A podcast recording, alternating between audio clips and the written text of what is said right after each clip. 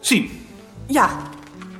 Eh, onze afdeling zou graag zien dat de rommel in de voorkelder eh, een keer wordt opgeruimd. Er staan daar allemaal dozen en troep. En nu er ook nog iemand zit te werken, vinden we dat geen gezicht. Wie gaat er nou ook in de kelder zitten? Dat moet diegene zelf weten. Het wordt genotuleerd, maar we zullen toch moeten wachten tot Wigbold weer beter is. Freek. Ik heb niets. Chef. Eh, ja, wij hebben in de voorkamer wel eens last van het dichtslaan van de buitendeur. Kan daar misschien iets aan gedaan worden? Papiertje ophangen. En- En wie moet dat dan doen? Degene die er het meeste last van heeft. Je kunt die deur ook nog altijd gewoon openmaken. Hoe dan? Gewoon, met ieder scherp voorwerp. Ik heb daarover een brief gehad van Sparreboom. Ik zal nagaan of dat toen aan de Rijksgebouwdienst is doorgegeven. Jetje. Er is sprake van geweest dat ons jaarverslag voortaan in het Engels zou verschijnen. Gaat dat nog door? Voor zover ik weet is dat weer van de baan. Godzijdank. Waarom? Zou toch goed zijn voor ons image? Ja, dat vind ik ook. Wat moet je nou met een Engels jaarverslag over Nederlandse volkstaal, volksnamen en volkscultuur? Dat is toch humbug? Dat vind ik helemaal geen humbug. Ik vind het heel belangrijk. Nou, ik niet, maar laten we daar nou niet over discussiëren. Meneer Pandé. Ik heb niets. Huub. Kan er nou niet eens op gewezen worden dat iedereen die van het kopieerapparaat gebruik maakt ook zijn eigen rommel opruimt? Bij deze. Engelien. Ik zit nog altijd met je opmerking over dat progress-rapport. Ik ben dat toch echt helemaal niet met je eens. Laten we dat nu voor het ogenblik maar laten rusten. Eh, is er nog iets? Ja, die tekening van Hans Wiegersma die hij bij zijn afscheid heeft aangeboden. Die ligt daar nu maar en ik vind hem eigenlijk ontzettend goed. Zou die niet kunnen worden ingelijst en bijvoorbeeld in de koffieruimte worden opgehangen? Van die, van die computer. Als Wigbold beter is, dan zullen we het hem vragen. Ja. Die man krijgt het druk. Die is meteen overwerkt. Mark. Ja, ik heb nog wel wat. Ik heb de indruk dat wij slecht op de hoogte zijn van wat er in het instituut zoal aan onderzoek wordt gedaan. En daarom vraag ik mij af of het niet wenselijk zou zijn als we met enige regelmaat een koffiepraatje organiseren, waar we om beurten vertellen waar we mee bezig zijn. Het is maar een suggestie, maar het zou de onderlinge cohesie ten goede komen. Maar dat kun je toch lezen in het jaarverslag? Ik geloof niet dat veel mensen dat doen. En dat is ook wel heel sumier wat daar staat. Ik vind het een aardig voorstel. Ja, vind ik ook. Het lijkt me heel aardig zelfs. Ik wil heel graag horen wat er op de andere afdelingen gebeurt. Breng het bijeen als voorstel op de volgende vergadering, want we zullen dit toch aan Balk moeten voorleggen. Elke. Ik heb niets. Koos. Ik heb gezien dat er aan de overkant een nieuw fietsenrek is geplaatst. Kunnen we daar niet eh, weer eens achteraan gaan? De vorige keer is dat afgewezen. Misschien is het beleid weer veranderd. Dat verandert elk ogenblik. Waarom kunnen we onze fietsen eigenlijk niet op de binnenplaats van de Witte Lelie zetten? Daar staan ze nog veilig op. Vorig jaar is er weer een damesfiets tegen het hekje gemangeld door een automobiel. Hé, waarom moet er nou weer bij dat het een damesfiets was? Ja, wat moet ik dan zeggen? Gewoon een fiets? Doe toch niet meteen altijd zo seksistisch? De Witte Lelie heeft ons verzoek afgewezen omdat ze bang zijn dat er dan een recht op overpad ontstaat. Nou, dan lopen we om. En dit hekje, dat hebben ze ook nog altijd niet opengemaakt. Ik zat nog eens aan Balk voorleggen. Jeroen. Als er over de vacature Bavelaar nog geen beslissing is genomen, dan wil ik er toch nog eens aan herinneren dat mij in de tijd de toezegging is gedaan dat de eerstkomende vacature voor mijn afdelingje gebruikt zou worden. Nadat eerst de vacature Meijerink gedeblokkeerd is. Zolang Balk ziek is, wordt daar niets over beslist. Nog iets? Dan sluit ik de vergadering. We hebben zeker meteen nabespreking. Ja, we gaan het nabespreken. Roep ze maar bij elkaar.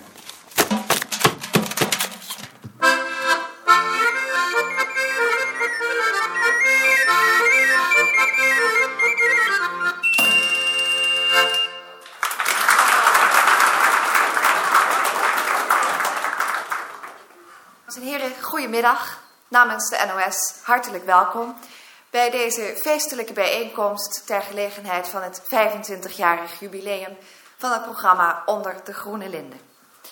Nou is het zo met radioprogramma's dat in het algemeen blijven ze niet zo heel lang. Dat heeft vaak verschillende oorzaken. Zendtijdverandering, bezuinigingen, enfin, u weet dat zoals u hier allemaal zit, allemaal heel precies waar ik het over heb. Als dan een programma het 25 jaar volhoudt, alle stormen trotseert, dan is dat een unieke gelegenheid om een feestje te organiseren.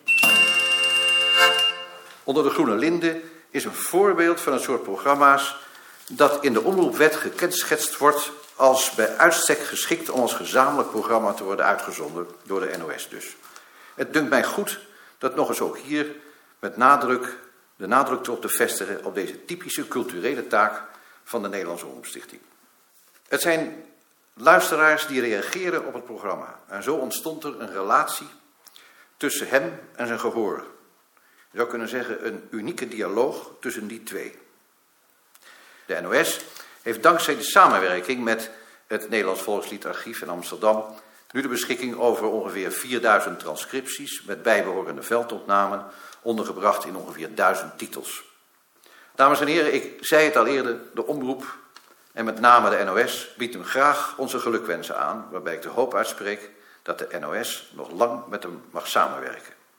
Zijn werk speelde zich niet af in de felle zon van de publiciteit, maar in de rust en de schaduw van zijn eigen gestaag groeiende boom, de groene linde. Dames en heren, ik eh, ben mij bewust dat ik als man van de wetenschap op deze middag maar een bescheiden rol vervul. Niettemin hecht ik eraan om nog eens publiekelijk te verklaren met hoeveel trots het mij als directeur van het AP Beerta Instituut vervult dat ik in de tijd Jaring Elshout als medewerker aan het instituut heb weten te verbinden. Niet alleen heb ik daarmee een begenadigd veldwerker in huis gehaald, die dankzij zijn grote bekwaamheden aan de sociale functie van het lied in het onderzoek een centrale plaats heeft gegeven, waardoor het lied als maatschappelijk fenomeen beter bekend is geworden. Maar bovendien hebben wij in hem een medewerker getroffen die als enige niet alleen geld verdiende, maar niet onbelangrijk in deze tijd van bezuinigingen ook geld in het laadje bracht. Dankzij de grammofoonplaat van zijn liedjes, die het AP Beerta Instituut samen met de NOS heeft uitgegeven. Wat mij betreft spreek ik dan ook graag de hoop uit dat die plaat het begin mogen zijn van een lange reeks. Proficiat. Allereerst bedank ik de sprekers van vanmiddag. Ik ben vereerd met de mij toegezwaaide lof, hoewel ik het op zichzelf niet zo'n verdienste vind dat ik het 25 jaar heb volgehouden. Het is vanzelf gegaan en ik heb het altijd met plezier gedaan. Misschien is dat laatste ook wel de reden dat mensen vaak dachten eh, dat het mijn hobby is. Het is mij meermalen overkomen dat mensen met enige jaloezie opmerkten dat het toch wel een voorrecht was wanneer je in de gelegenheid werd gesteld om van je hobby je beroep te maken. Een ambtenaar die zijn hele leven niet achter zijn bureau vandaan was gekomen, heeft zelfs eens tegen mij gezegd dat veldwerk eigenlijk een soort vakantie is. En dat je er dus geld op toe moet geven. De mensen die dat denken, die kan ik vanuit mijn eigen ervaring verzekeren dat het doen van veldwerk vele malen zwaarder is dan het zitten achter een bureau. En dat het wat dat betreft vergeleken kan worden met wat ze vroeger tropenjaren noemden. Zo moeiteloos als het misschien lijkt. En wat mijn hobby's betreft, eh, die heb ik ook, maar daar hoort mijn werk niet bij. Met hoeveel plezier ik het ook doe, ik verheug mij nu al op de tijd dat ik mijn schildersezel ergens kan opzetten. Zonder de steeds terugkerende dwang van dat programma. Of dat ik aan de lenzen van mijn telescoop kan slijpen, die misschien wel nooit zal afkomen, maar waaraan ik meer plezier beleef dan aan welke andere bezigheid dan ook.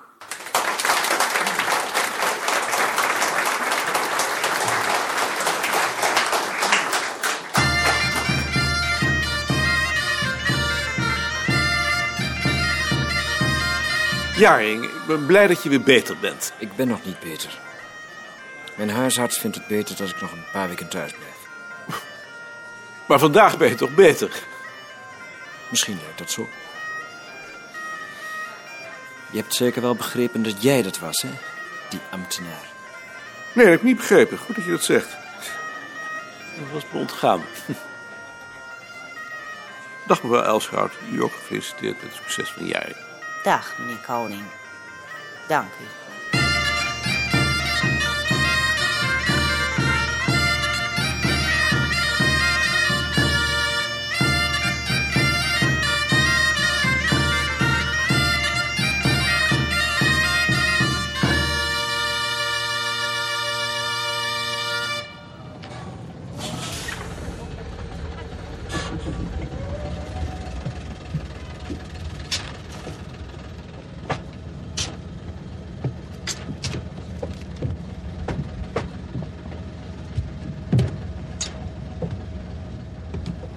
Hadden jullie dat nou ook, dat je je schaamde? Dat de mensen zouden denken dat dit ons vak is? Je luistert toch wel eens naar Jarings programma? Nee, eerlijk gezegd niet. Mo- moet dat? Luister jij er wel naar? Ik heb er één keer naar geluisterd. Toen hij net op het bureau was. Vond het verschrikkelijk. Maar waarom hebben jullie die man dan eigenlijk aangesteld? In die tijd was het ons vak. En wat zag je er dan in? Ik vond het gek. En ik had vertrouwen in Beerta. Wat vond jij er dan gek aan? Ik denk dat die valsheid me interesseerde. Waarschijnlijk omdat ik die ook wel in me heb. Maar niet zo dat ik ervan kan genieten. Het is Anton Pieck. Ja! Wat hoor je voor zure praatjes? Jullie lijken wel een paar citroenen. Ik denk dat het ook een generatiekwestie is. Maar Jaring is toch ook van jouw generatie? Maar hij zit in een klein specialisme en daar werkt dat langzamer door. Vandaar dat ik tegen specialisatie ben. Kipperman. Eigenlijk had Kipperman op mijn plaats moeten zitten. Als dat gebeurd was, dan zouden jullie in middeleeuwse kleren naar die receptie zijn gegaan.